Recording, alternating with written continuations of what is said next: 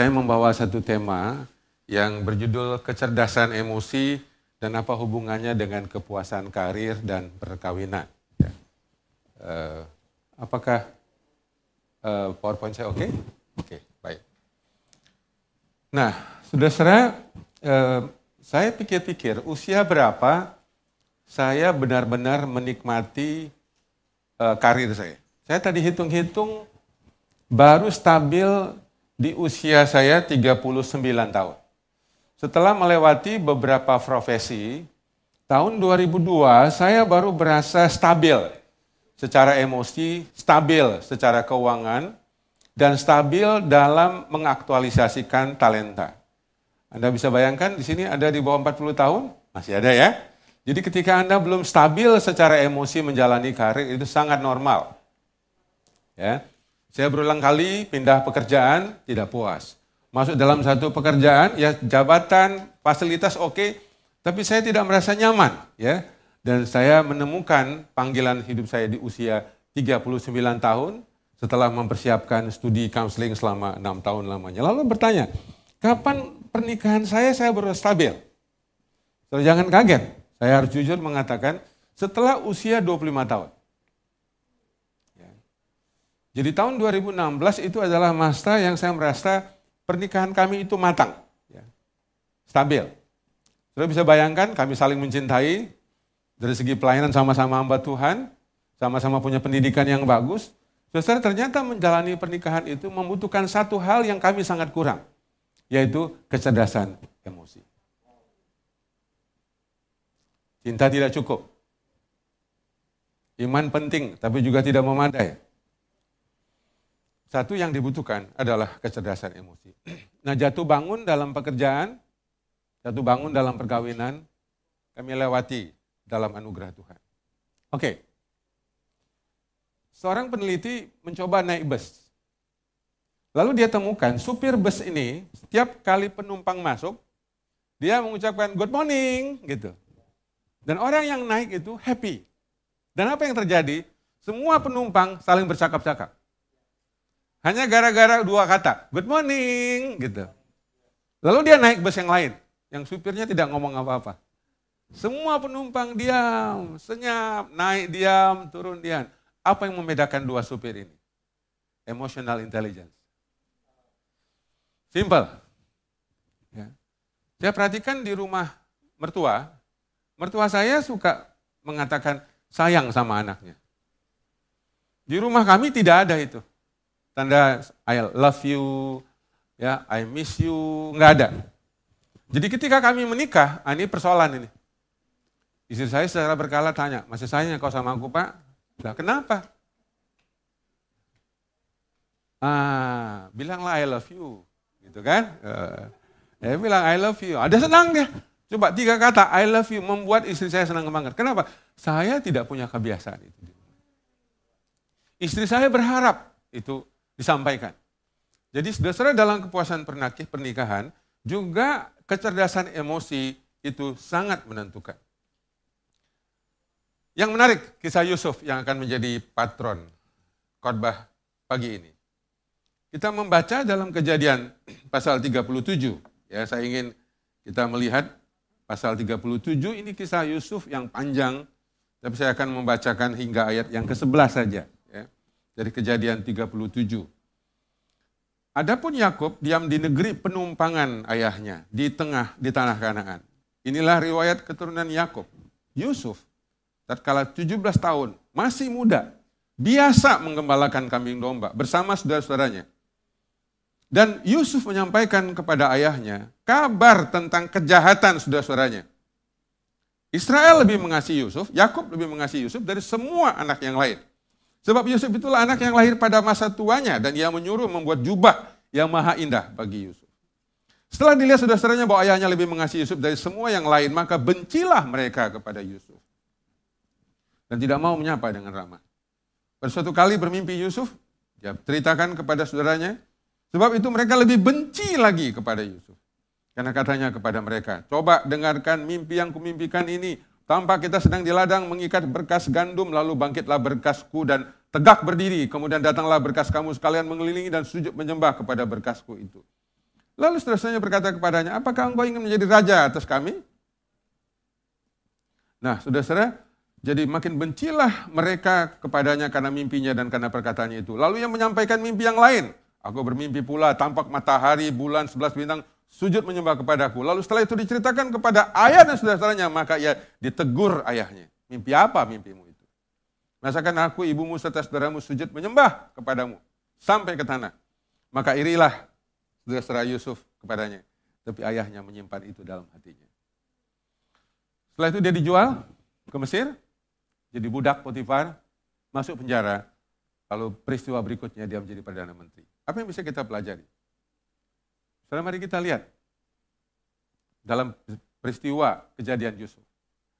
Seperti supir tadi, Yusuf itu menarik. Ya. Ketika dia ditangkap oleh karena fitnah istri Potifar, dia memperhatikan setiap napi lainnya. Dan ada dua napi yang gelisah suatu pagi. Dia tegur juru minuman raja, Hai kawan, kenapa kau susah? Ya.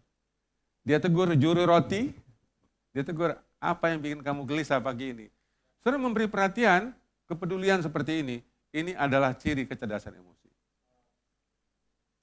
Saudara, hal yang simpel, yang membuat Yusuf bisa menjadi Perdana Menteri adalah keperhatiannya kepada orang-orang ini, di samping karunia menafsirkan mimpi, nantinya itu. Nah, sudah sering kekasih, kecerdasan emosi itu adalah keperluan yang sangat penting untuk membuat kita mampu menyelesaikan semua masalah kita secara efektif dan efisien. Saya belajar di dunia counseling. Ada begitu banyak teknik yang membuat kita bisa mengatasi problem, kesusahan kita, kegalauan kita, kekhawatiran kita itu secara efektif dan secara efisien, terutama menghadapi situasi yang berubah. COVID, pandemi ini, hidup kita sangat berubah. Keadaan kita sangat berbeda. Saya merasa sebagai seorang yang suka terbang 100 sampai 130 kali setahun. Mendadak nggak bisa ke mana-mana di rumah saja. Saya butuh kira-kira 10 hari untuk beradaptasi melewati masa stres, gamang ya, di rumah saja, menemukan kembali hobi bermain gitar, menyanyi, olahraga pagi, dan tidak semua orang bisa melewati dengan efektif dan efisien. Dan yang menentukan itu salah satu adalah kecerdasan emosi. Dan mari kita lihat dari salah satu buku yang bernama Lawrence Safiro, dia mengatakan bahwa Kecerdasan emosi itu disiplin dibentuk oleh kasih sayang orang tua di rumah. Dan disiplin afirmatif. Jadi kalau saudara tanya, bagaimana orang cerdas secara emosi? Itu dibentuk oleh keluarganya. Mari kita lihat catatan Alkitab yang kita baca tadi dalam ayat 3. Saudara Israel, Yakub itu sangat mencintai Yusuf. Lebih daripada saudara-saudara yang lain karena dia lahir pada waktu dia sudah tua. Saya tidak tahu apa yang menyebabkan Yakub sangat sayang sama Yusuf. Tapi dari personalitinya memang Yusuf ini menarik sekali. ya Rajin, sudah lihat ya. Mengalah sama abang-abangnya walaupun dia dibenci. Dia sangat dekat dengan Tuhan, nampak dari mimpi. Dari zaman itu, salah satu ciri orang yang dekat sama Tuhan adalah mempunyai mimpi dan penglihatan. Dan itu sebabnya Yakub menginvestasikan waktunya perasaannya dengan Yusuf. Inilah keuntungan Yusuf saudara-saudara dibandingkan saudara-saudara yang lain. Sekarang kita tanya, seberapa dekat kita dengan ayah? Seberapa banyak ibu kita menginvestasikan emosinya kepada kita? Nanti saya mau bersaksi kepada saudara-saudara, saya sangat-sangat tidak dekat dengan orang tua saya. Dan itu salah satu sumber banyak masalah-masalah emosi dalam hidup saya pribadi sampai hari ini. Saya mau mengatakan Yusuf ini kenapa tahan menderita setelah dibuang pada usia yang sangat muda, 17 tahun. Kenapa dia tahan menjadi budak? Cakap menjadi nabi. Dan berani mengambil posisi Perdana Menteri. Justru karena dia mempunyai tabungan emosi bahagia. Saya coba cek, berapa tabungan emosi kebahagiaan Anda? Perasaan disayang, dirindukan, diprioritaskan, dikasihi, perasaan dibanggakan. Saudara, kalau dari kecil Anda nggak punya ini, kecerdasan emosi tidak bertumbuh dengan. Inilah salah satu yang membuat Yusuf tangguh menghadapi masa-masa yang sangat sukar di usianya yang masih sangat belia, 17 tahun. Sangat muda. Dan 13 tahun lamanya dia menjadi budak, dia di penjara. Umur 30 dilepaskan dari penjara. 13 tahun lamanya. Tapi saudara dia tidak. Dia bisa survive karena tabungan emosi bahagia itu. Yang dia dapat dari kasih sayang orang tuanya, membuat dia cakap mengeluarkan tabungan itu ketika dia tidak ada yang mengasihi. Ketika tidak ada yang peduli. Ketika tidak ada sanak famili di Mesir. Dia menggunakan tabungan itu. Hmm, sama dengan ketika susah. Saudara yang punya tabungan kan tenang kan? Ambil deposito. Ambil ATM. Coba yang nggak punya tabungan. Pusing kan? Pusing nggak? Pusing. Pertanyaan saya adalah, seberapa banyak tabungan emosi bahagia kita? Depresi, tidak masalah. Anda cemas, tidak masalah. Anda mendapat tekanan, tidak masalah. Selama tabungan emosi bahagia masih ada, stok cinta masih ada, kita tinggal ambil sedikit demi sedikit. Jadi sekali lagi Yusuf itu sukses melewati pergumulan hidupnya. Sukses dalam karirnya dan bahagia dalam perkawinannya. Karena dia mempunyai tabungan cinta yang sudah yang sangat cukup dan sangat memadai. Ya, kalau saya analogikan, kira-kira kalau hati kita digambarkan gelas, air itu lambang cinta orang tua kita. Seberapa besar gelas cinta Anda? Saya yang nomor tiga, bocor. Udah kecil, bocor. Saya dibesarkan dalam keluarga ayah saya pecandu dan pemabuk. Ibu saya juga alkoholik. Mereka tidak mungkin bisa mengasihi kami karena dalam kondisi mereka seorang pecandu. Saya dibesarkan dalam keluarga yang sangat keras karena ayah saya polisi. Lima dari saudara kami, tujuh bersaudara itu menjadi pecandu narkoba. Dan dalam kondisi itu, tabung cinta saya, gelas cinta saya tidak terisi. Itulah sebabnya kenapa saya kesulitan menjalani pernikahan di tahun-tahun pertama dalam hubungan kami. Walaupun saya seorang pendeta, gembala jemaat. Pernikahan kami sangat sulit. Nah, saudara coba periksakan. Seberapa tabungan gelas cinta, saudara sekalian. Satu penelitian yang menarik dari Harvard University, secara longitudinal, artinya 60 tahun yang diteliti ini diikuti. Ya, selama 60 tahun orang yang sama, seluruh mahasiswa Universitas Harvard. Dan ditemukan hasilnya adalah yang dibesarkan dengan kasih sayang itu tumbuh sehat secara mental, sukses dalam pekerjaan, dan matang dalam relasi perkawinan. 60 tahun ini diteliti. Yang ini beberapa hasilnya. Lebih sedikit yang menderita gangguan jiwa, lebih kaya dalam hubungan dan relasi, lima kali lebih suka melakukan olahraga, suka berelasi dan punya hobi. Ayo, masih punya hobi enggak? Seimbang antara pekerjaan dan keluarga, seimbang antara lembur dan libur, dan antara lembur dan tidur. Tapi kalau yang tidak mendapatkan kasih sayang pada waktu kecil, hasilnya sebaliknya. Jadi saudara kalau mau menemukan akar, persoalan kita itu bukan semata-mata pada kegiatan rohani, ibadah dan doa. Itu menentukan, tapi bukan satu-satunya. Jadi kalau saudara mempunyai masalah sekarang, gampang stres, gampang marah, gampang tersinggung. Loh, saya aktif di gereja, kenapa masih marah-marah ya? Ini tidak ada kaitan sama dengan doa dan iman saudara. Ini berkaitan juga dengan tadi itu tabungan emosi bahagia Anda sedikit. Makanya gampang meledak. Dikit-dikit gampang meledak. Orang yang tabung emosinya cukup seperti Yusuf, tidak gampang meledak. Dia stabil. Dibenci sama saudara-saudaranya, dia tenang. Dijual jadi budak, dia tidak komplain. Difitnah sama istri Potimar, oke. Okay. Itulah bedanya orang yang mempunyai kematangan emosi. Jadi inilah warisan dari ayahnya yang saya secara pribadi tidak mengalami ini dari ayah saya. Anak saya bungsu juga banyak komplain kepada saya bahwa dari kecil dia tidak mempunyai tabungan emosi yang bahagia. Moze tadi. Dia mendapatkan setelah dia umur 18, setelah menerima Kristus dan setelah kami kirim ke Amerika untuk studi. Tapi sudah serah, kasih sayang ini didapatkan Yusuf. Plus pendidikan karakter, iman, ya, dan disiplin sejak kecilnya.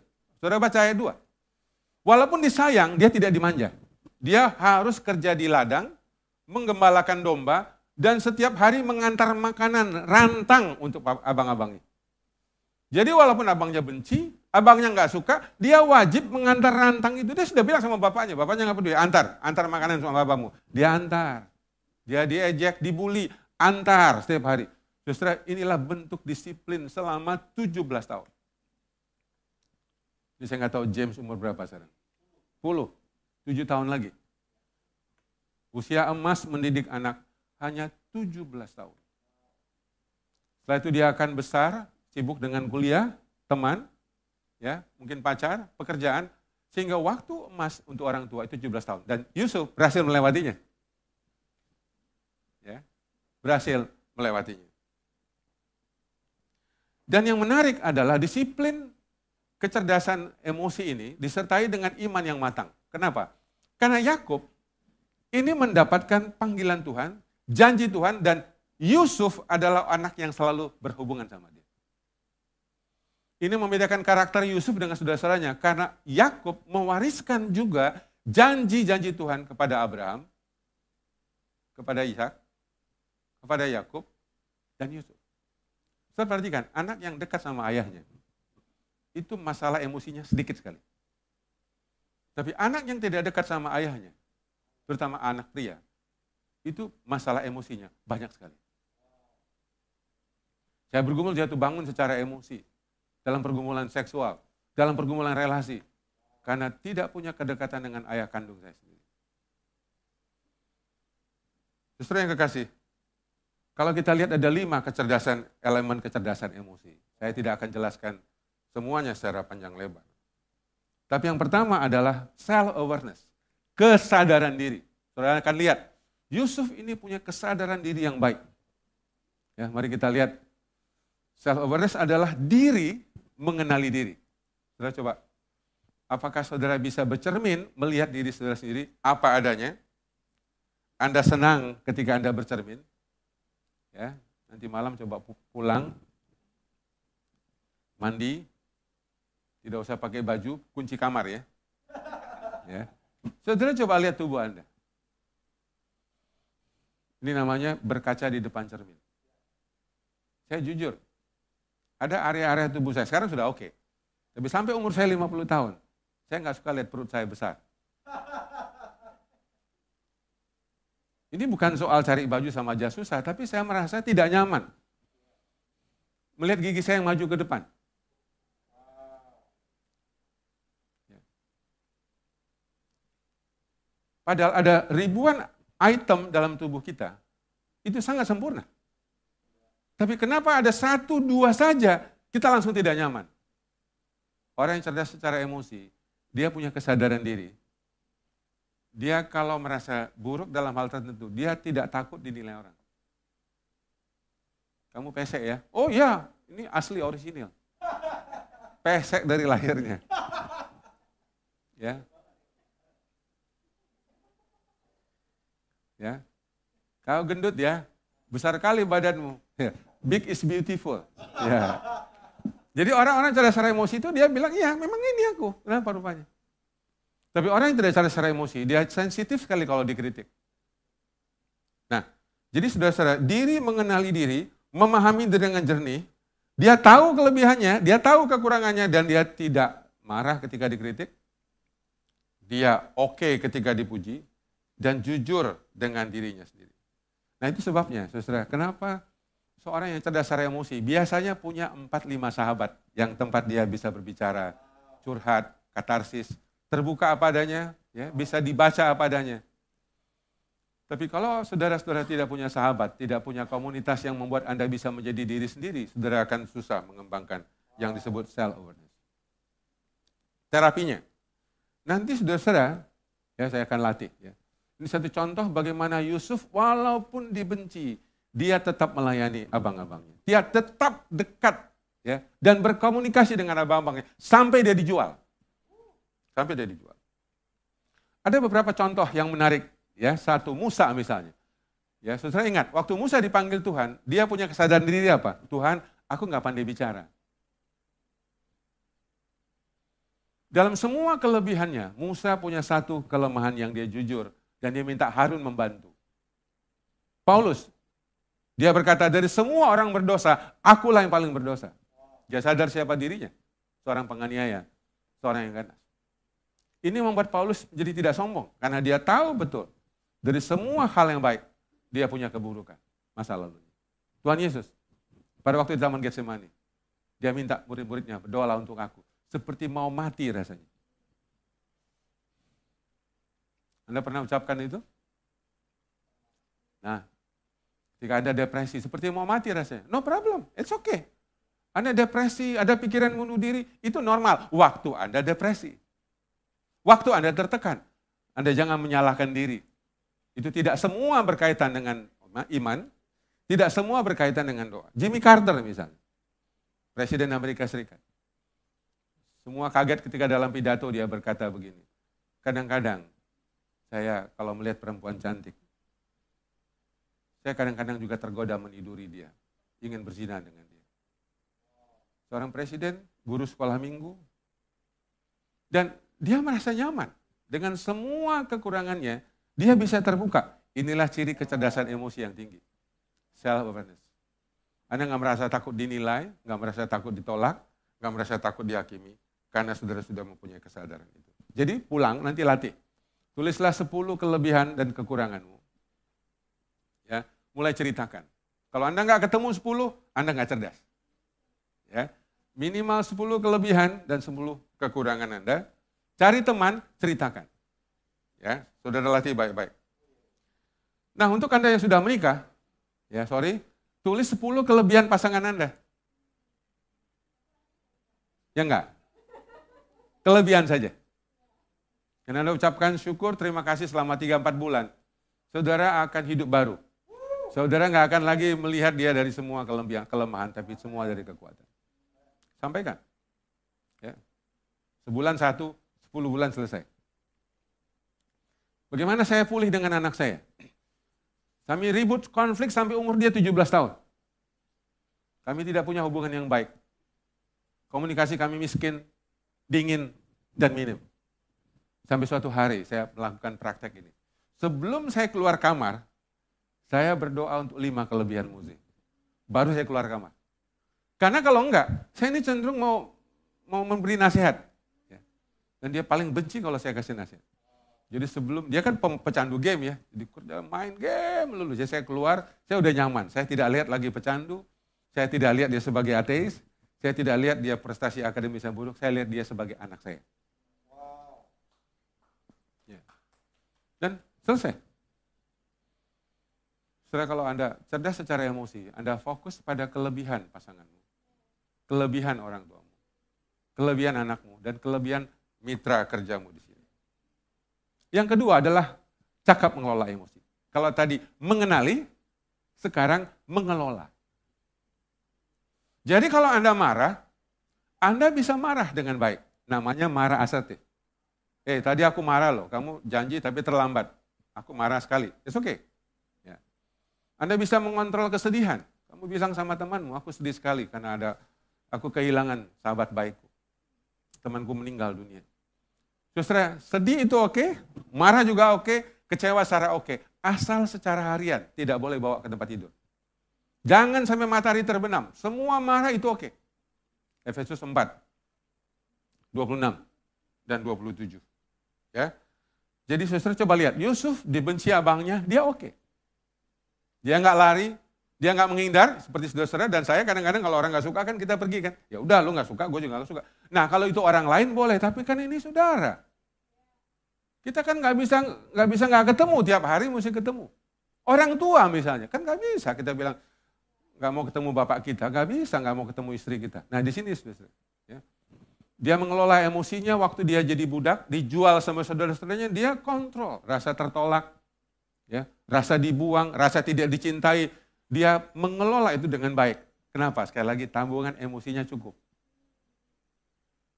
Dia ambil sedikit-sedikit. Waktu difitnah, menjadi napi, dilupakan juru minuman, Tidak ada satupun catatan Alkitab, dia komplain, mengeluh, tersinggung, marah. Tidak ada catatan Alkitab. Catatan Alkitab sampai tujuh kali adalah Yusuf disertai Tuhan. Kalau saudara mau disertai Tuhan, kecerdasan emosi sangat diperlukan. Sekali lagi, dia punya tabungan emosi bahagia. Dia fokus kepada tujuan-tujuan hidupnya. Dia memegang janji Tuhan dari Bapaknya. Ini kelebihan orang Israel sampai hari ini. Selalu mereka mengatakan, kita umat pilihan Tuhan. Saya sudah cerita tadi, ini ayah saya dan ibu saya. Saya susah sekali mengembangkan hubungan emosi dengan istri pada waktu kami awal menikah. Saya susah sekali membangun bonding dengan kedua anak saya, yang tadi saya, saya tunjukkan di awal. Itu karena saya sendiri tabungan emosinya kurang. Iman saya jangan ditanya. Ayat hafalan saya jangan ditanya. Kemampuan khotbah saya jangan ditanya. Tapi tabungan emosi saya kurang sekali. Mungkin itu yang membuat saya tertarik kepada ilmu counseling. Itu yang membuat saya tertarik pergi counseling. Untuk memperbaiki, memperkaya tabungan-tabungan emosi yang miskin tadi. Yang ketiga, yang pertama mengenali emosi, yang kedua mengelola emosi, yang ketiga adalah memotivasi diri kita sendiri. Kadang-kadang kita punya masa kita frustrasi, putus asa, ya. Kita lemah sekali motivasi kita bekerja.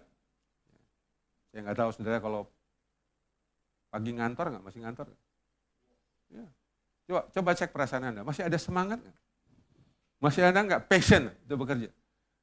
Itu hanya dimiliki oleh orang yang mampu memotivasi dirinya saat-saat kesulitan terjadi. Punya daya juang yang tinggi. Ya. Great, ini satu buku yang sangat populer sekarang. Ya. Adalah orang-orang yang sukses adalah orang-orang yang tekun kepada panggilannya. Saya bersyukur sesuai panggilan di bidang counseling hampir selama 20 tahun. Setelah saya temukan passion itu, saya tidak pernah menyerah sampai hari ini. Saudara cuma perlu seperti Yusuf, punyakah saudara mimpi? Dari mimpi itu membangun cita-cita dan tujuan. Dari situ saudara membangun apa namanya semangat gairah Anda bekerja. Catatan Alkitab juga menarik. Pada waktu Yusuf mengingatkan dirinya waktu istri Potifar menggodanya. Yusuf menolak berkata kepada istri tuannya, dengan bantuanku tuanku tidak lagi mengatur apa yang ada di rumah ini. Ia telah menyerahkan segala miliknya pada kekuasaanku. Bahkan di rumah ini ia tidak lebih besar kuasanya daripadaku. Dan tidak ada yang diserahkan, tidak ada tidak diserahkannya kepadaku. Selain daripada engkau, sebab engkau istrinya. Bagaimana mungkin aku melakukan kejahatan yang besar ini dan berbuat dosa terhadap Allah? Kemampuan untuk memotivasi diri. Mengingatkan diri sendiri menjadi satu kekuatan. Ya. Ada satu hal yang saya tertarik, yang saya mau sampaikan tentang Tuhan Yesus. Bagaimana ketekunan, kegagahan Yesus pada waktu dia ingin disalibkan. Saya baca satu catatan dari Yohanes 12 ayat 27. Sekarang jiwaku terharu, apakah yang akan kukatakan? Bapa, selamatkanlah aku dari saat ini. Tidak, sebab untuk itulah aku datang. Sekali saudara menemukan tujuan hidup, sekali saudara memiliki passion seperti Yusuf, saudara tidak akan pernah menyerah walaupun Anda mengalami kesulitan. Termasuk Anda bekerja di lembaga anugerah ministry ini. Kalau Anda tidak punya passion, tujuan hidup, cita-cita, perkawinan Anda akan bermasalah. Sorry, buat Anda yang belum menikah, single. Single Anda juga bermasalah. Kalau Anda punya passion sebagai single, single is okay. Itu sama kudusnya, sama baiknya dengan orang yang menikah. Tidak masalah. Nah, sekali lagi saudara, kadangkala ada juga ambisi-ambisi pribadi yang bisa merusak. Kenapa hubungan saya rusak dengan anak saya yang pertama dan yang kedua? Dua anak kami menderita depresi. Kami pernah bawa ke 10 psikolog, 3 psikiater, dan 5 konselor. Sekali lagi, oleh karena saya sempat terjebak ambisi sampai tahun 2012. Saya menjadi seorang pembicara yang diundang ke sana ke sini. Saya menjadi lupa diri. Saya tidak lagi mengejar visi saya, tapi saya mengejar ambisi saya. Di sinilah saya gagal. Saya salah. Dan saya memperbaiki mulai tahun 2013. Ketika saya depresi, saya pindah ke Salatiga. Butuh empat tahun. hanya untuk memperbaiki diri saya sendiri, memperbaiki relasi dengan anak saya, Moze. Dan sampai hubungan itu selesai. Empat tahun. Saya rasa tabungan emosi saya sudah habis. Saya mesti kumpulkan lewat refleksi, Bible study, membaca Alkitab, banyak berdoa. Dan satu lagi waktu itu saya mengatakan, saya belajar menjadi bukan siapa-siapa. Saya rela orang tidak mengundang saya karena anak saya ateis. Tidak mudah. Seorang pendeta, seorang hamba Tuhan sering berkorban anaknya ateis. Dan dia bangga sekali sebagai seorang ateis. Ke mana-mana orang tahu anak saya ateis. Tapi saya bilang, saya boleh kehilangan pekerjaan saya, penghasilan saya. Tapi tidak kehilangan anak saya.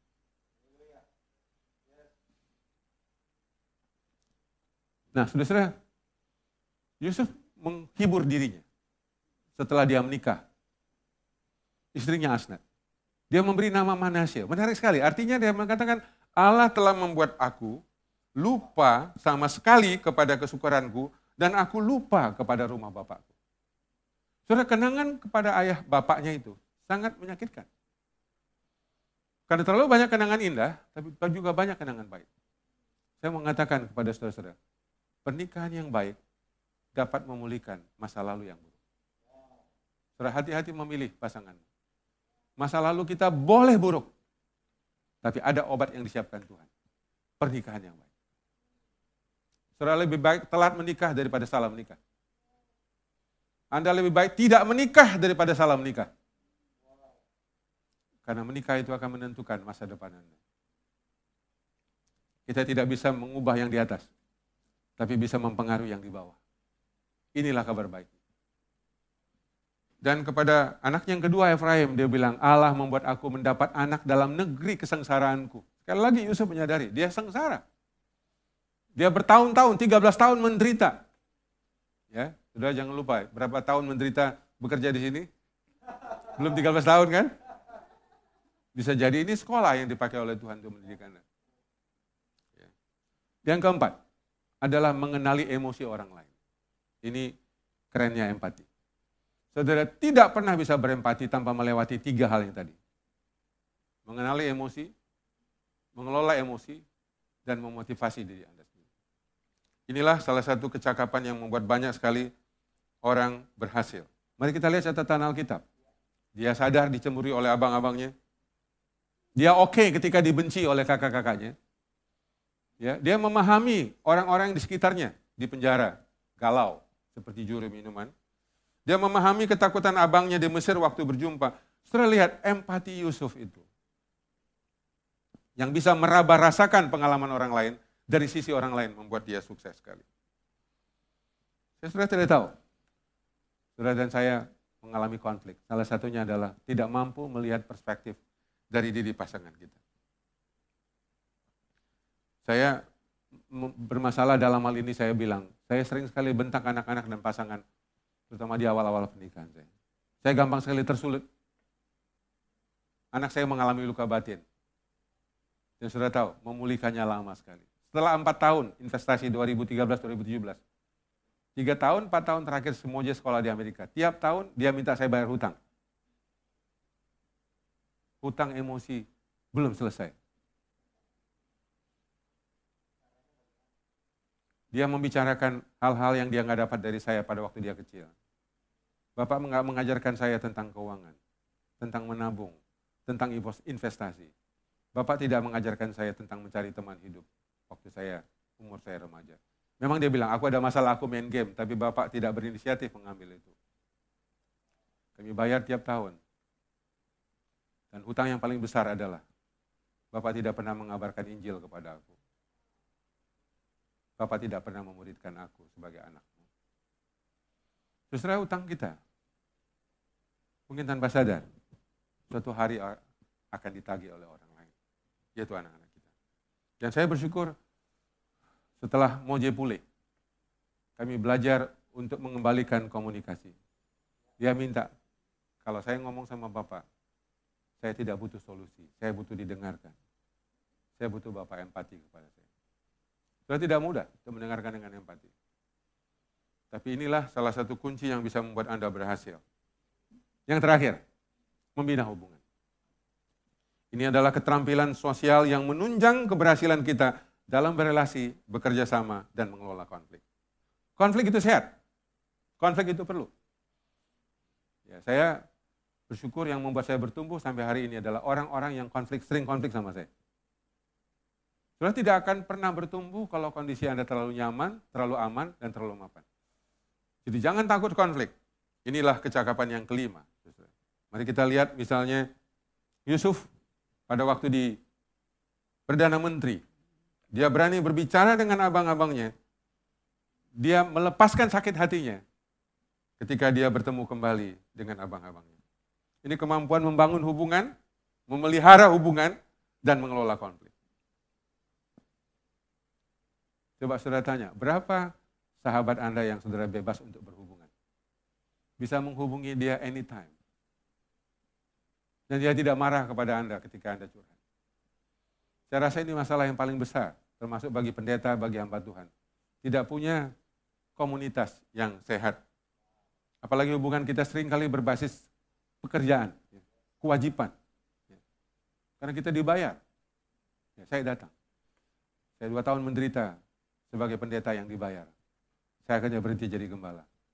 Karena saya merasa saya tidak tidak menemukan passion saya pada waktu itu. Dan akhirnya saya ketemu passion saya sebagai seorang konselor sampai hari ini. Ciri yang menonjol adalah lentur. Ya.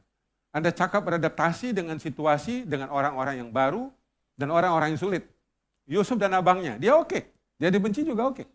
Tapi dia bilang, kamu tetap abangku. Kau benci aku, kau tetap abangku. Ya. Yusuf dengan Potiphar. Walaupun bukan orang Ibrani, dia bisa kerjasama dengan orang Mesir. Sudah di Indonesia banyak orang Kristen kerjasama dengan agama lain sulit sekali. Anda tidak mempunyai kelenturan di situ. Dia sebagai nabi, oke, okay, 13 tahun lamanya. Dan waktu sebagai Perdana Menteri, dia juga cakap membina hubungan dengan yang di bawah. Waktu dia di bawah, oke. Okay. Waktu dia di atas, oke. Okay. Inilah orang-orang yang cerdas secara emosi. Dia tidak sombong, menjadi angkuh ketika dia mendapatkan gaji yang tinggi, prestasi yang tinggi, jabatan yang tinggi. Dan apa yang menyebabkan dia sukses? Sekali lagi, Yusuf sudah dibentuk oleh ayahnya sejak kecil. Dia dibiasakan di padang pengembalaan domba. Sama dengan Musa, 40 tahun penggembala domba. Semua orang sukses melewati masa-masa yang sulit. Grit, ya, kegigihan, dan ketekunan dibentuk oleh kesulitan hidup. Di dunia konseling, anak-anak yang diabaikan, anak-anak yang ditelantarkan, anak-anak yang dibedakan, lebih sukses daripada anak yang dimanjakan. Jangan kecil hati Anda ketika Anda punya kesulitan, kesulitan hidup sepanjang hidup Anda. Itu mungkin modal, investasi, saham untuk Anda sukses di masa depan. Dibuang, dijual, menjadi budak, napi, semua dilewati oleh Yesus ketika umurnya belum 30 tahun. Saudara siapa yang di bawah 30 tahun? Satu, dua, tiga, empat, ya, lima, enam, Tujuh. Ya, bakalan sukses. Investasi ini penting sekali. Biarlah semua luka, ya, semua penderitaan, pengabaian hidup Anda. Jadikan itu saham, itu investasi Anda.